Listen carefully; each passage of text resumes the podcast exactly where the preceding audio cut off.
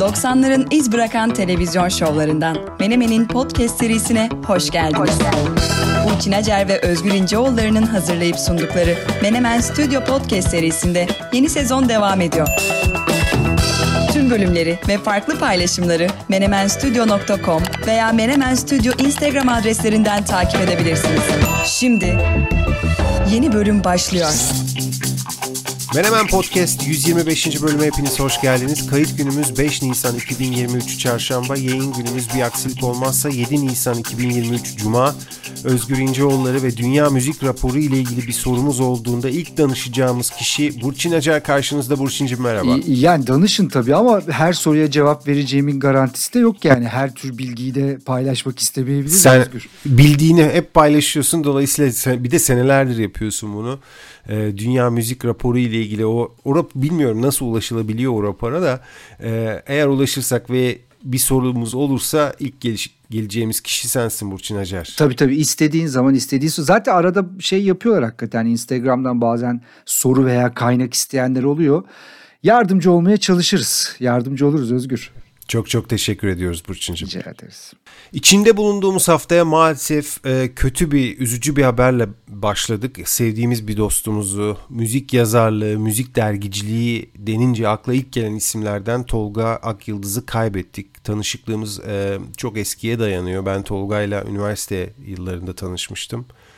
E, baba mesleğini devam ettiren, müziği çok seven, gerçekten çok pozitif bir insandı. Her konuşmamızda, her karşılaşmamızda çok güzel sohbetler yapıyorduk. Ee, bizim medyada yaptığımız işleri de takip ediyordu, destekliyordu. Ee, yapıcı eleştirileriyle bize fikirler ver, veren bir arkadaşımızdı. Onu bu podcast'te ağırlamayı da istiyorduk ama olmadı. Ara ara e, geçmişten bahsediyoruz, nostalji yapıyoruz. E, müzik dergileri gerçekten müziği seven bizlere çok şey öğretmiştir vaktiyle. İşte o müzik dergilerinin çoğunda emeği vardı Tolga'nın. Ee, en başta da tabii ki e, Blue Jean dergisinde, efsanevi Blue Jean dergisinde. Onun haricinde birçok başka dergide de çalıştı. Gazetelerde de yazdı, Hürriyet gibi, Milliyet gibi gazetelerde yazdığı yazılarıyla hem aslında hem e, Türkiye'nin müzik piyasasına hem de e, popüler kültüre çok katkısı oldu. Hepimizin hayatına da dokundu. Ee, çok sosyal çevresi geniş bir arkadaşımızdı. Hepimiz ondan bir şeyler öğrenmişizdir. İyi insan Tolga'yı e, kaybettik. Huzur içinde uyusun. Ailesine de tüm sevenlerine de sabırlar diliyoruz. Evet yani aynı duyguları paylaşıyorum. Senin dediğin gibi şimdi bu dergi olayı belki günümüzde o kadar... E, ön plana çıkan bir medya aracı gibi gözükmese de bizim zamanımızda yani işte biz çocukken veya gençliğe adım atarken Kaynak zaten çok sınırlıydı. Dergilere zamanında ulaşmak pek mümkün değildi. Yani işte iki hafta üç hafta sonra Almanya'daki işte Bravo dergisini falan bulurduk. Yani öyle bir dönemden bahsediyoruz. Öyle kurak bir dönemde mesela Hey dergisi çok büyük bir şey yapıyordu. Yani ve arkasından Blue Jean tabii özellikle bizim kuşak yani bizden bir önce ya da biraz daha yaşça büyük olanlar için Hey dergisi çok önemlidir. Bizim içinse Blue Jean tabii çok önemlidir. Bu iki dergide de çok önemli görevler üstlenmişti. Dolayısıyla aslında bizim müzik, müzik kültürümüzün oluşmasında önemli katkıları olan isimlerden bir tanesi. Sonra dediğin gibi aslında bir de şöyle bir durumu oldu işte yazılara devam etti, pop virüs devam etti Hürriyet'te, Milliyet'te daha sonra yazı yazdı. E, sahnede de performanslar sergiledi. Dolayısıyla aslında her zaman hani müzik değişse de ortam değişse de bir şekilde bunun merkezinde olup e, o dediğin tatlı yönlendirmeleri yapmaya devam etti. E, geçen sene de Çağlan Tekil'i kaybetmiştik.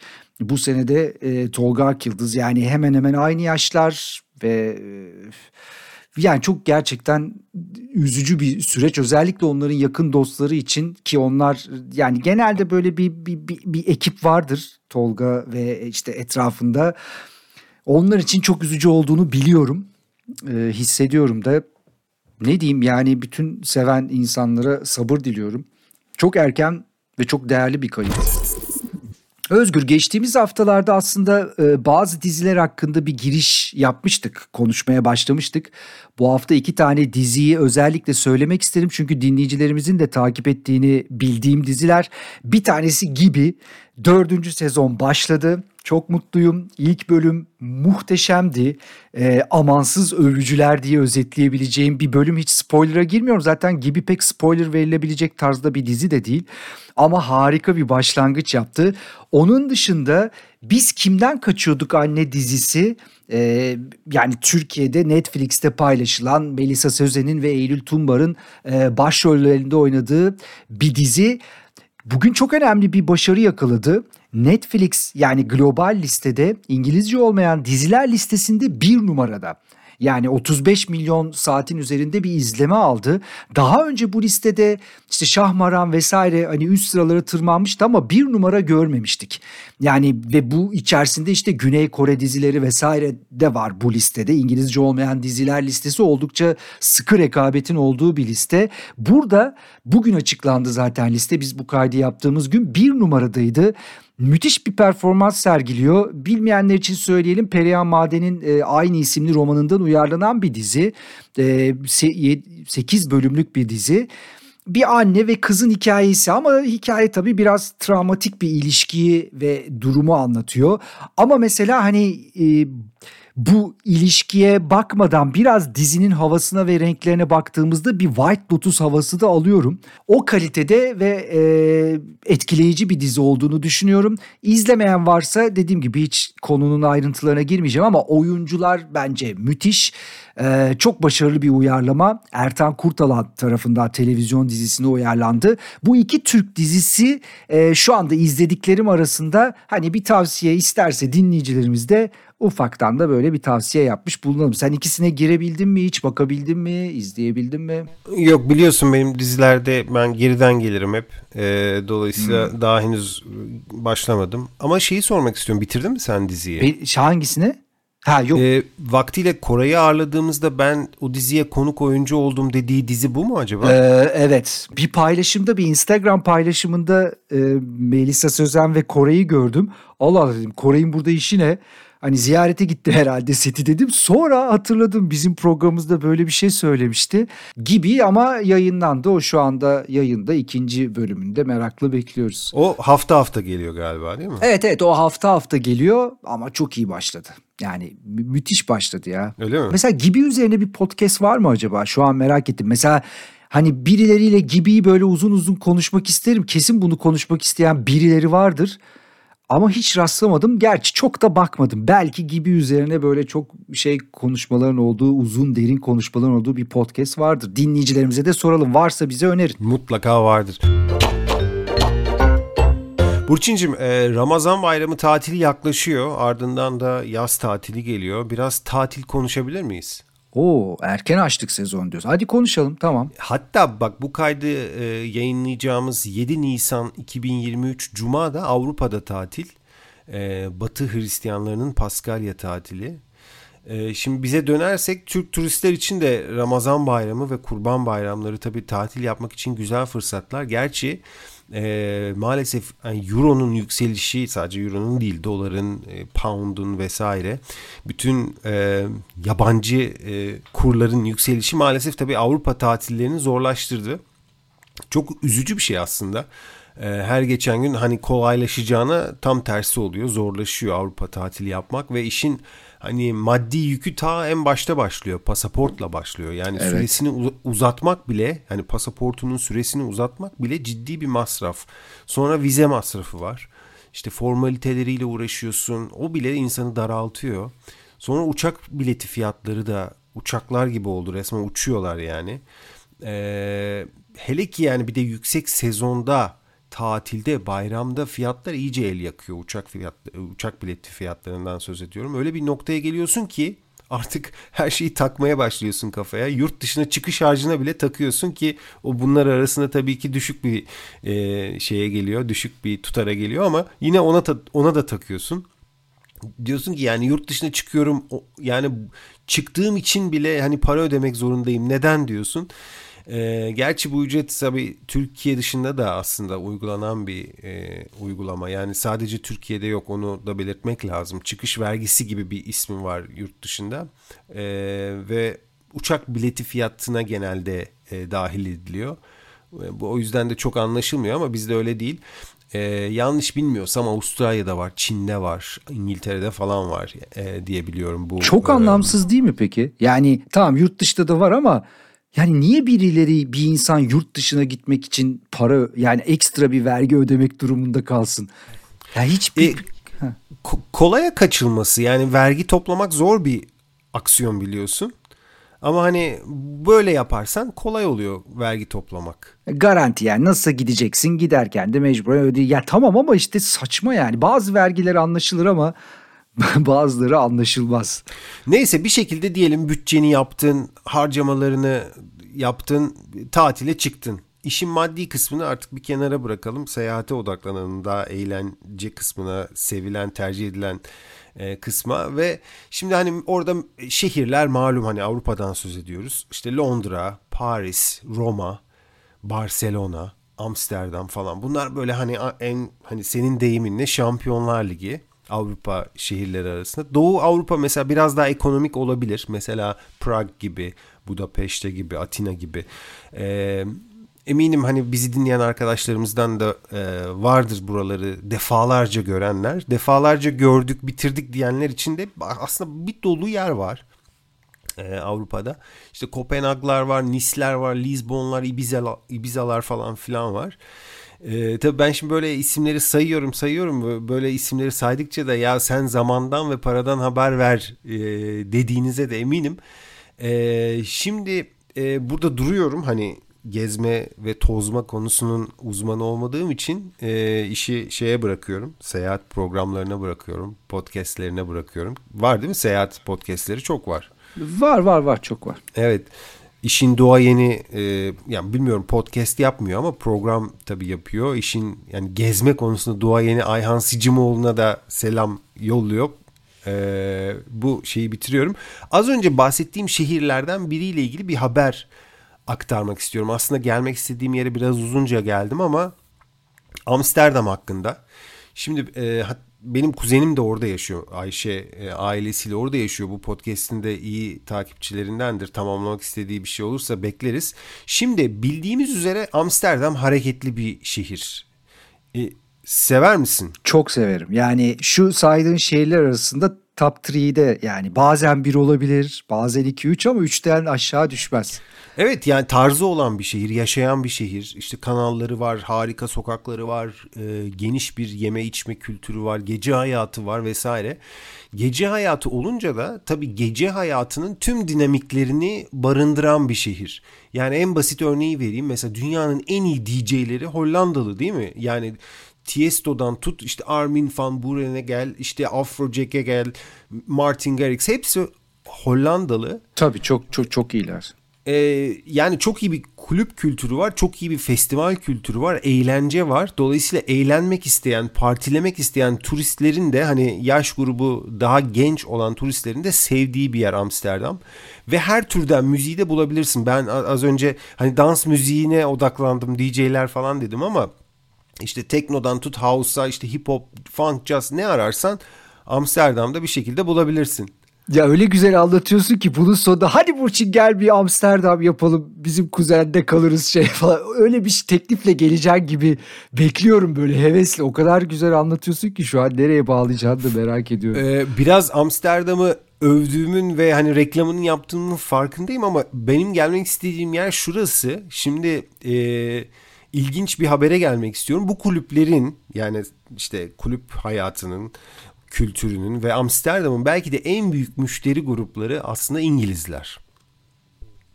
Hatta daha da daraltayım tanımı genç İngiliz erkekler.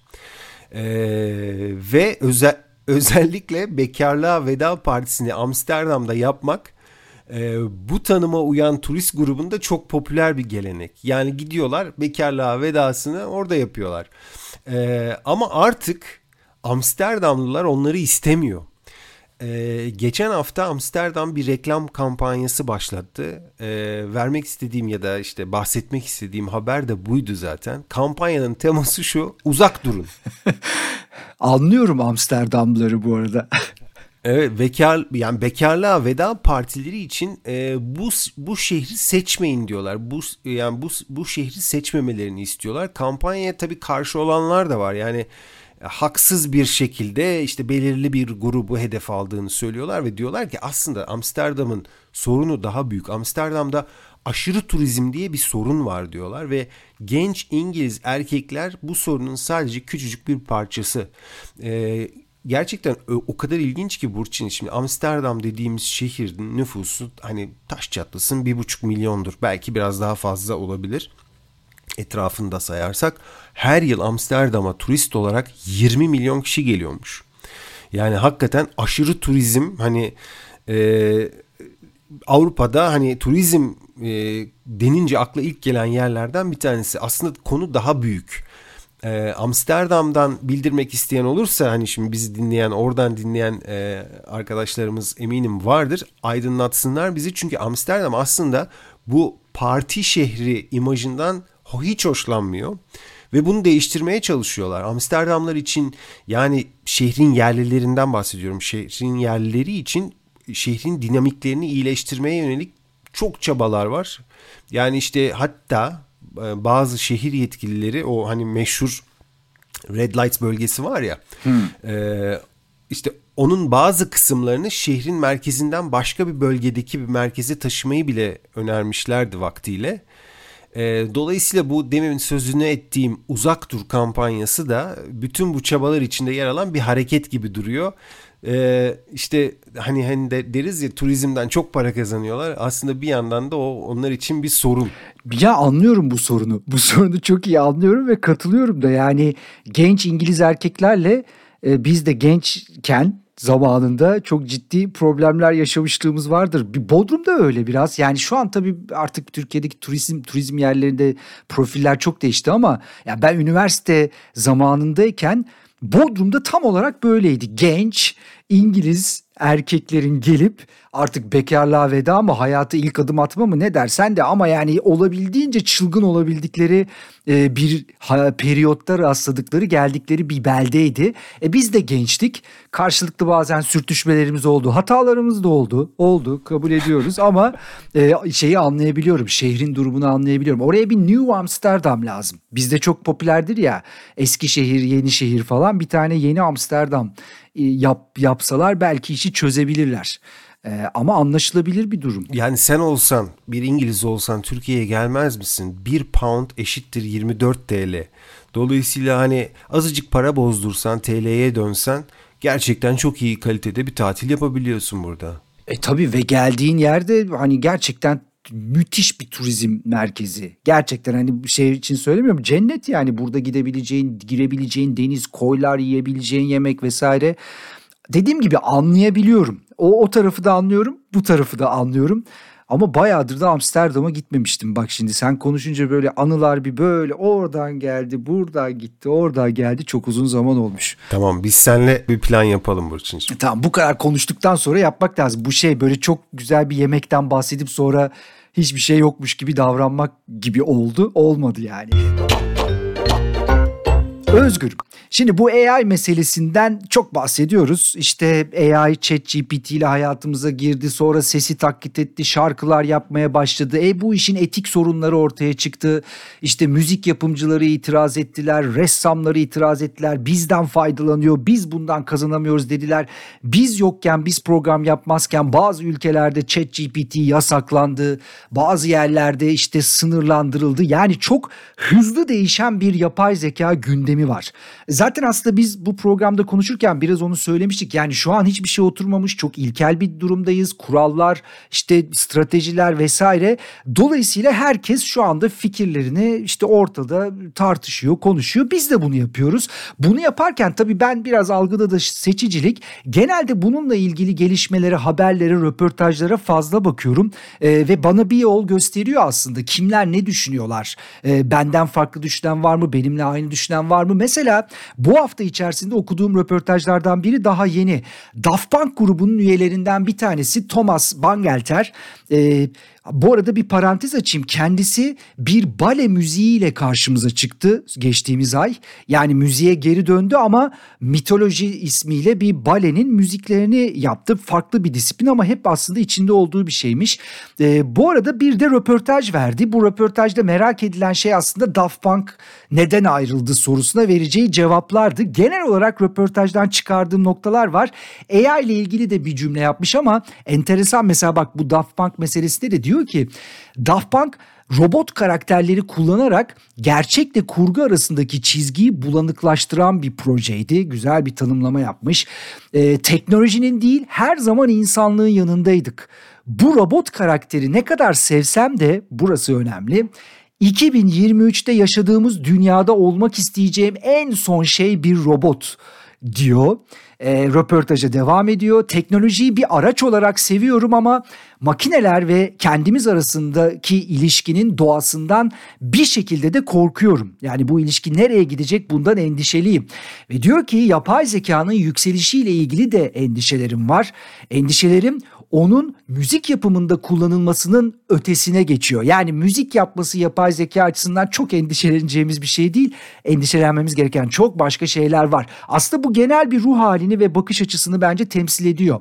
Ee, robot ve yapay zeka alanındaki gelişmeler bunun aslında insanlığın bazı değerleriyle ve alışkanlıklarıyla çok örtüşmeyeceğine dair endişeler ve bunu söyleyen de bir Daft Punk üyesi. Yani bugün AI ile bir müzikle ilgili bir şey yapılacaksa hani e, dağılmasalardı bunu yapabilecek belki de bir numaralı grubun üyesinden bahsediyoruz. Enteresandı. Bunun dışında bugün ya bugün mü? Tabii bugün Webby Awards adayları açıklandı. Biz programda e, bahsediyoruz her sene. Webby Awards gerçekten e, çok özel bir ödül töreni. Ben dinleyicilerimize tek tek bütün adaylara bakın kazananlara değil bütün adayları tek tek bakmaları, işte linkine girmeleri. Çünkü çok fazla kategori var ve gerçekten sizi böyle mesela 2-3 adım sonrasında neler oluyor bu dünyadanın cevabını verebilecek bir kümeden bahsediyorum. Bu arada Webby Awards ne? Biraz başa dönelim. Ee, International Academy of Digital Arts and Science. Yani nasıl diyeyim Uluslararası Dijital Sanatlar ve Bilimler Akademisi her yıl işte internetteki kaliteli çalışmaları ödüllendirmek için Webby Awards adı altında adaylar açıklıyor. Bu çalışmalar içinde internet sitesi var, şirketler var, podcastler var, işte influencerlar var, içerik üreticiler var. Birçok kategori var işte video, sosyal medya, AI, teknoloji gerçekten e, müthiş bir alan. Bu yıl 70'ten fazla ülke 14 binden fazla da giriş olmuş. Bu rekor sayıda bir giriş yani bunlar arasında bir adaylık belirleme olmuş. Bu arada söyleyelim enteresan bir sonuç durumu var. İki tane ödül var burada. Bir akademi tarafından verilen ödül bir de işte halk tarafından işte people choice dediğimiz ödül yani bir yap bir, ne, diyelim bir aday iki ödül birden de kazanabilir veya o kategoride iki kazanan olabilir. E, bu ga- gayet de dengeli bir durum bence. E, 20 Nisan'a kadar oylama var. Hemen o kısmı da söyleyelim. E, daha sonra 25'inde kazananlar açıklanacak. 15'inde de 15 Mayıs'ta da yüz yüze bir ödül töreni gerçekleşecek. Ben biraz baktım. Mesela şeyi merak ettim. Bu AI'cılar girmiş mi işin içine? İçerisine girmişler. Bizim bu konuştuğumuz ChatGPT'nin yaratıcısı OpenAI bilim kategorisinde karşımıza çıktı. Teknolojide DeepMind podcast ile karşılaştığım RoboKiller, Newbing, Adobe gibi yapay zeka ile çok içli dışlı yerler adaylık almışlar. Ee, dediğim gibi burada çok fazla şey var, kategori var. Hatta şöyle bir istatistik de paylaşayım yapay zeka dışında. En fazla aday gösterilen kuruluşların başını Apple çekiyor. 22 kategoride adaylar. Daha sonra MTV geliyor. MTV'nin bu son yıllardaki içerik üretimindeki çeşitlilik çok özel. Ee, National Geographic geliyor 14 adayla. Daha sonra Netflix'i görüyorum. Washington Post, Google, e, Amazon, Spotify, Wondery mesela bir podcast şirketi. Bunlar da çok adaylık alan e, yerlerden. Dediğim gibi yani Webby Awards'ta AI girmiş, dahil olmuş. Ama dinleyicilerimize adaylarına bakmaları hatta arada keşfedecekleri özel bir şey olursa bizimle paylaşmalarını tavsiye ederim. Biz de bir de buna bakalım çünkü gerçekten zengin bir dünya var orada. Son olarak da yine bu AI ile ilgili enteresan bir durum yaşandı YouTube'da. Şimdi bir YouTuber, Grande adlı bir YouTuber şöyle bir şey yapıyor. Eminem'in sesinden bir şarkı söyletiyor kedilerle ilgili. İşte cat cat cat cat cat falan belki birazdan yayınlarım bilmiyorum. Ee, bir şarkı söyletiyor bir de video yapıyor bunu koyuyor ve ondan sonra Universal Music Publishing yani hani dünyanın en büyük plak şirketlerinden biri çok da büyük olmayan bu YouTuber'a hemen şey yapıyor. Hemen bu videoyu kaldıracaksın işte teliftir, davadır vesaire vesaire derken tabii korkuyor, kaldırıyor. Ondan sonra aslında bu bir tartışma yaratıyor. Çünkü hala bu yasal durumda bir takım gri alanlar var.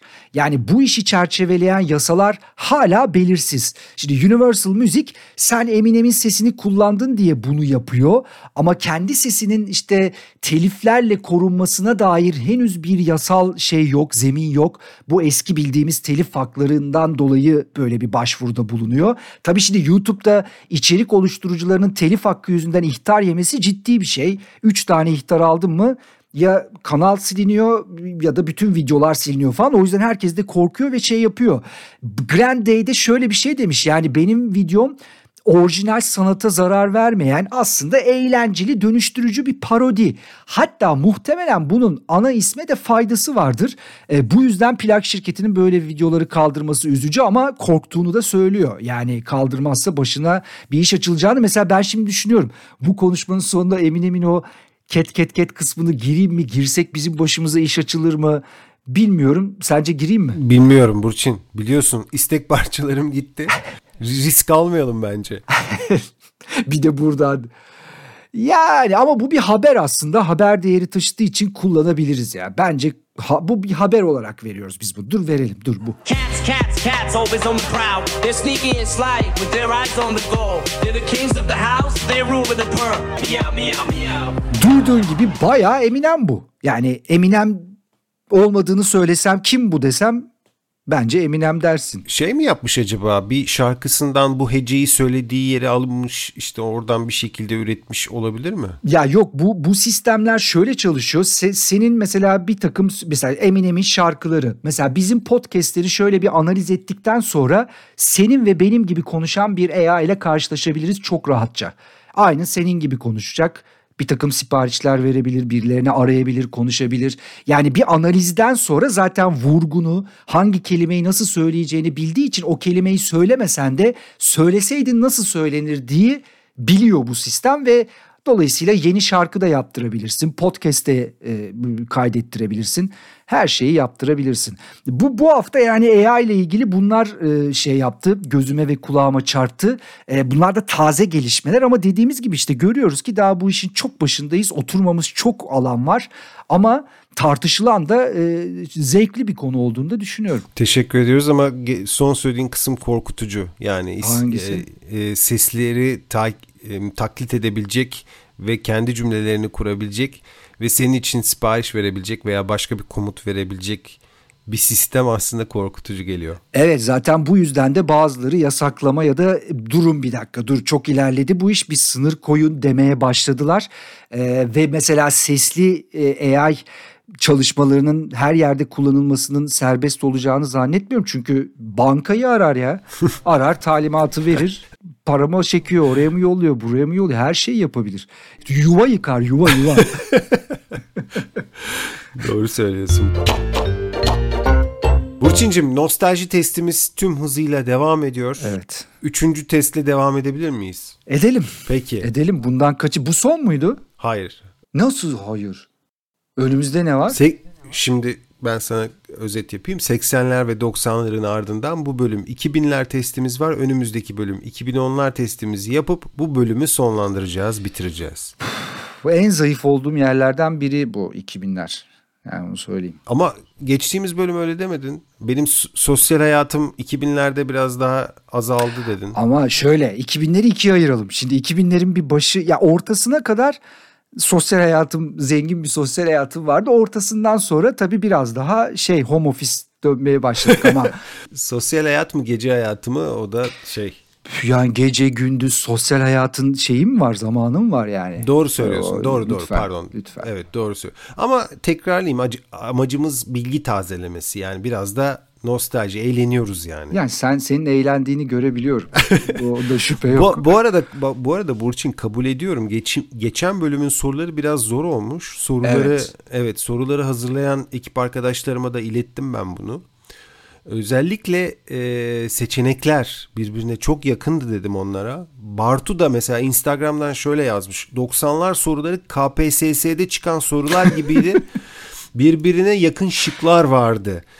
O yüzden şıkları hafifletti arkadaşlar. Alakasız Öyle. şıklar da koymuşlar aralara. Ama eminim ki şıklara bile e, gerek kalmayacak. Kuralı tekrarlıyorum. Doğrudan bilirsen 10 puan, seçenekleri isteyip bilirsen 5 puan, seçenekleri isteyip bilemezsen soruyu 0 puanla kapatıyorsun. Bu bölüm 2000'ler. Tamam bana da geçen hafta ile ilgili çok zor olduğuna dair yorumlar çok geldi. Bunu kayla almış olmanız beni sevindirdi. Evet evet. Ee... Ekip onu kale aldı. Konularımız yine aynı. Genel kültür, sinema, spor, televizyon ve beşinci başlığımız müzik. Şimdi hazırsan başlıyoruz. Ya hazırız. Genel kültür sorumuzla. Bir zamanlar, bir zamanlar video kasetleri ve DVD'leri kiralıyorduk. Evet. Ee, hatırlarsın evet, sen de eminim kiralama yapmışsındır. Yaptım. Video kiralama e, video kiralama dükkanları vardı Burçin. Ee, hatırladığım kadarıyla Türkiye'de böyle zincir hale gelmiş böyle her semt her semtte bir dükkanı e, olan bir marka bir firma yoktu ama Amerika'da çok meşhur bir şirket vardı. İsmi de Blockbuster'dı.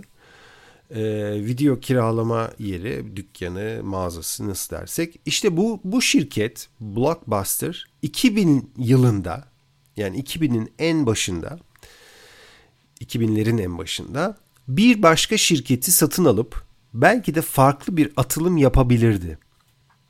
Ama olmadı ve iflas ettiler. 2000 yılında 50 milyon dolara az kalsın Blockbuster'a satılacak o dönem 3 yaşında olan bu gencecik startup şirketin adı nedir? Yani dinleyicilerimizden özür diliyorum. Yuh diyorum sana. yani gerçekten hani kolay eki, ekibine de aslında senin nezdinde ekibine ya bu kolaylaştırılmış soru mu? Bir dakika dur. Ee, seçenekleri alayım. Bir, bir yere varabiliriz seçeneklerle belki. Ama yani bu nasıl soru ya? Tamam seçenekleri alayım. A. Facebook. Yok. B. B. Uber. Yok. C. Netflix. D. Amazon. Yani biraz önce aklımdan geçen Netflix'ti aslında ama şey bir, bir, bir düşündürüyor. Yani 90'larda mı kurulmuştu Netflix acaba? Ee, Amazon zannet Netflix, Netflix. Netflix. Doğru cevap Netflix. Evet aynen öyle. Blockbuster e, 2000 yılında 50 milyon dolara az kalsın Netflix'i satın alıyormuş. E, almamışlar. O zaman Netflix 3 yaşındaymış. Böyle startup durumundaymış. Ve e, almamışlar. Bambaşka bir yola gitmişler. Sonra da iflas etmiş Blockbuster. E, yani. Netflix'in Netflix'in durumu ortada. Bu öngörüsüzlükle evet. Pekala şimdi sinema sorumuza geçiyoruz. Ölümünden sadece bir yıl sonra 2009'da en iyi yardımcı erkek oyuncu akademi ödülünü kazanan ve vefatından sonra oyunculuk Oscar'ı kazanan ikinci kişi olan aktör kimdir? Hep akademi soruyorsun ya. Yani sinema deyince senin için Oscar. Anladığım benim bu. Ee, haklısın ama geçtiğimiz bölümde İstanbul kanatlarımın altında vardı soru olarak. Ha şey Hannibal Lecter ha o bonus soruydu. O bonus sorusuydu evet. Seçenekleri alayım. A. Michael Clark Duncan B. Robin, Robin Williams C. Peter Finch D. Heath Ledger A. Heath. Bravo. Bu da doğru cevap. Heath. Evet. Ama söyleyeyim yani bu bilgiden hani tersten seçeneklerden şimdi seçeneği duyunca şey uyandı gözümde evet. Evet. Öyle bir şey Heath olmuş. Ledger e, öldükten bir sene sonra e, Oscar ödülü kazanmıştı. E, Bugün hatta onun yapay zeka ile filmdeki halinin makyajsız ver şeyini gördüm. Çok çok etkileyici bir işti gerçekten. Evet. Neyse ha, almış olduk. Evet. Joker rolüyle bu arada. Evet Joker. Evet. Üçüncü sorumuz yine 2000'ler. 2000'lerdeyiz malum. E, spor sorusu. Evet. Bu arada ilk soruya doğru cevap 5 puan, ikinci soruya doğru cevap 5 puan, toplam 10 puan. Üçüncü sorumuz şöyle. 2002 Dünya Kupası'nda milli takımımız üçüncü olup ülkemizin bu turnuvadaki büyük sürprizlerinden birini gerçekleştirmişti. Çeyrek finalde altın golümüzü atarak Senegal'i elememizi ve yarı finale çıkmamızı sağlayan golü hangi oyuncu atmıştır? İmansız. bravo. Bravo. Seçenekleri istemeden doğru cevap geldi. Bu kez 10 puanı veriyoruz. Doğru cevap İlhan Mansız. Ya millet de diyecek ki hiç kültürle sanatla işi yok. Varsa Abi niye niye doğru cevaplar geldi? 3'te 3 yaptın. 20 Neyse puana yani. ulaştı. Peki tamam. Bravo. E, Puan puandır evet. Puan Puan puandır. puandır. Dördüncü sorumuz televizyon sorusu. 2004 2004 yılında başlayan bir diziyi soruyoruz. 2004. Hmm. E- evet. Hangi popüler dizi Jack adlı karakterin bir uçak kazasının ortasında gizemli bir kumsalda gözlerini açmasıyla başlamıştır? Lost. Bravo bu da doğru cevap. İşte geldi. 10 puan daha. Tüketti ya. Hayatımızı tüketti Lost biliyorsun ya. Evet evet. Bir kuşağı Seçenekli- mahvetti. Evet seçenek... Seçenekleri seçenekleri isteseydin zaten yani yüzde yüz bilirdin de e, çünkü şimdi orada seçenekleri arasında senin e, 2000'leri 2000'lerde belki tüm zamanlarda en sevdiğin dizi de vardı. Dolayısıyla onu zaten elerdin. Neymiş o ya? Six Feet Under. Ah Six Feet Under tabii. Ya Lost tabii şimdi bizi o kadar bağlamıştı ki o zamanlar bu kadar çok dizi alternatif de yokken ve sonuyla da mahvetti bizi ya. Biz bunu mu Son- bekledik dedirten bir sondu, bir kabustu. O yüzden unutmam pek mümkün değil Özgür.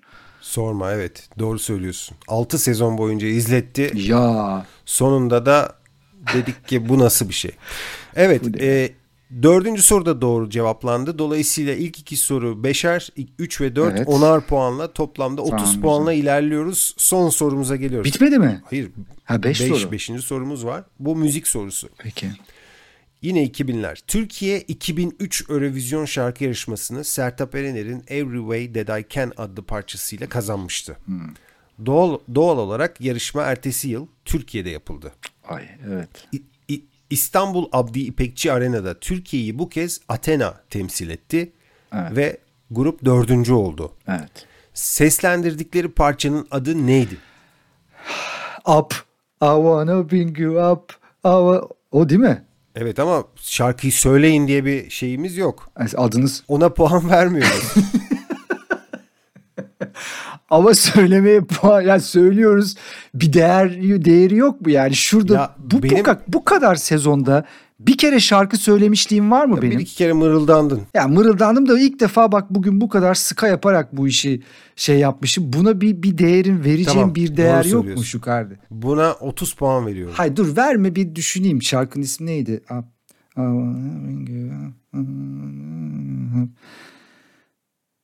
For real. For real. For real doğru cevap. 10 puan daha Yes geldi. 10 puan daha geldi. For real. Son 3 puan, e, son 3 soruyu seçeneksiz bildin. 30 puan. İlk iki soruyu da seçenekli bildin. Uy. 10 puan. 40 puanla Vay. şampiyon oldun Burçincim. İşte bu ya. Güzel güzel. Sevdim bunu. Gönder soruları Özgür. Ya işte 2000'ler farkını gösterdi. Seni tebrik ediyorum. Nefis bir yarışma çıkardığını düşünüyorum. Vay Bizi dinleyen arkadaşlarımızın performanslarını da çok merak ediyorum. Önümüzdeki bölümde 2010'lar sorularını da doğru cevaplayacağını düşünüyorum Burçincim. Ee, Ben ekibe de arkadaşlarına da çok teşekkür ediyorum. Bu hafta gerçekten hani bir takım işte şeyleri geri dönüşleri göze alarak güzel sorular hazırlamışlar. Ee, çok zevk aldığım bir yarışma olmaya başladı. Yalnız bir şey söyleyeceğim. Çok bana şey geliyor işte şu soru var bu soruyu da sor şöyle yap. İnsanlar gerçekten bu yarışma işini sev yani buradan bilmiyorum bir şey çıkarma bir, biz bir mesaj mı almamız lazım çok emin değilim ama bu- Ya- bunu sev- seviyorlar.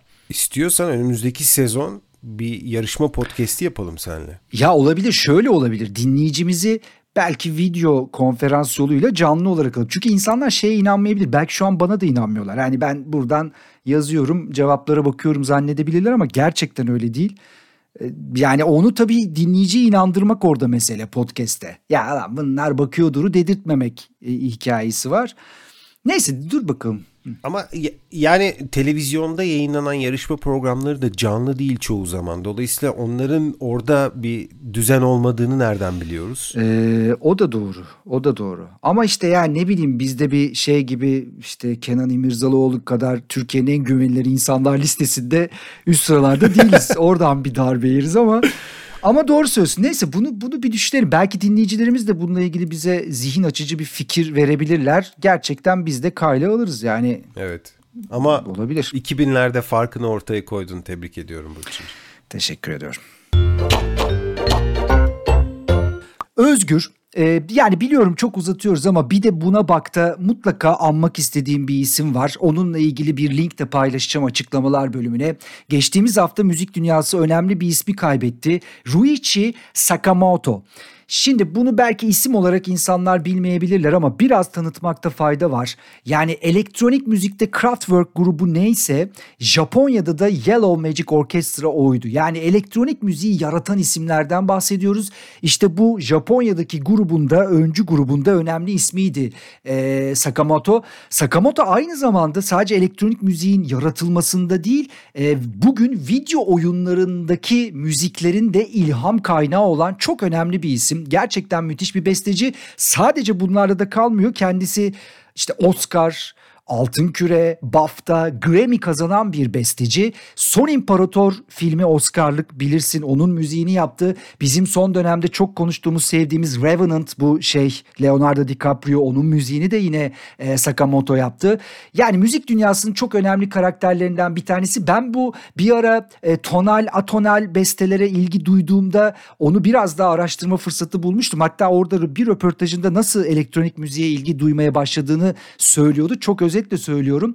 Ee, şey diyor Japonya'dayken bu trenlerin, banyo trenlerinin seslerini inceleyerek oradan ilham alarak bir takım ritimler yaratmaya başlamış. Ondan sonra onları geliştirmiş gibi gibi yani çok öncesi işte Japonya daha sonra işte filmler hatta kendisinin de oynadığı filmler var. Bunlardan bir tanesi David Bowie ile oynadığı 83 yapımı bir savaş filmi Merry Christmas.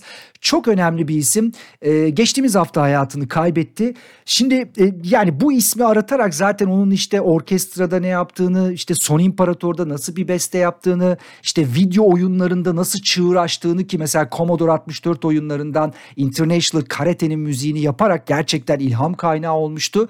Bunların hepsini bulabilirsiniz ama bu hafta daha önce paylaşılmayan bir şey paylaşıldı.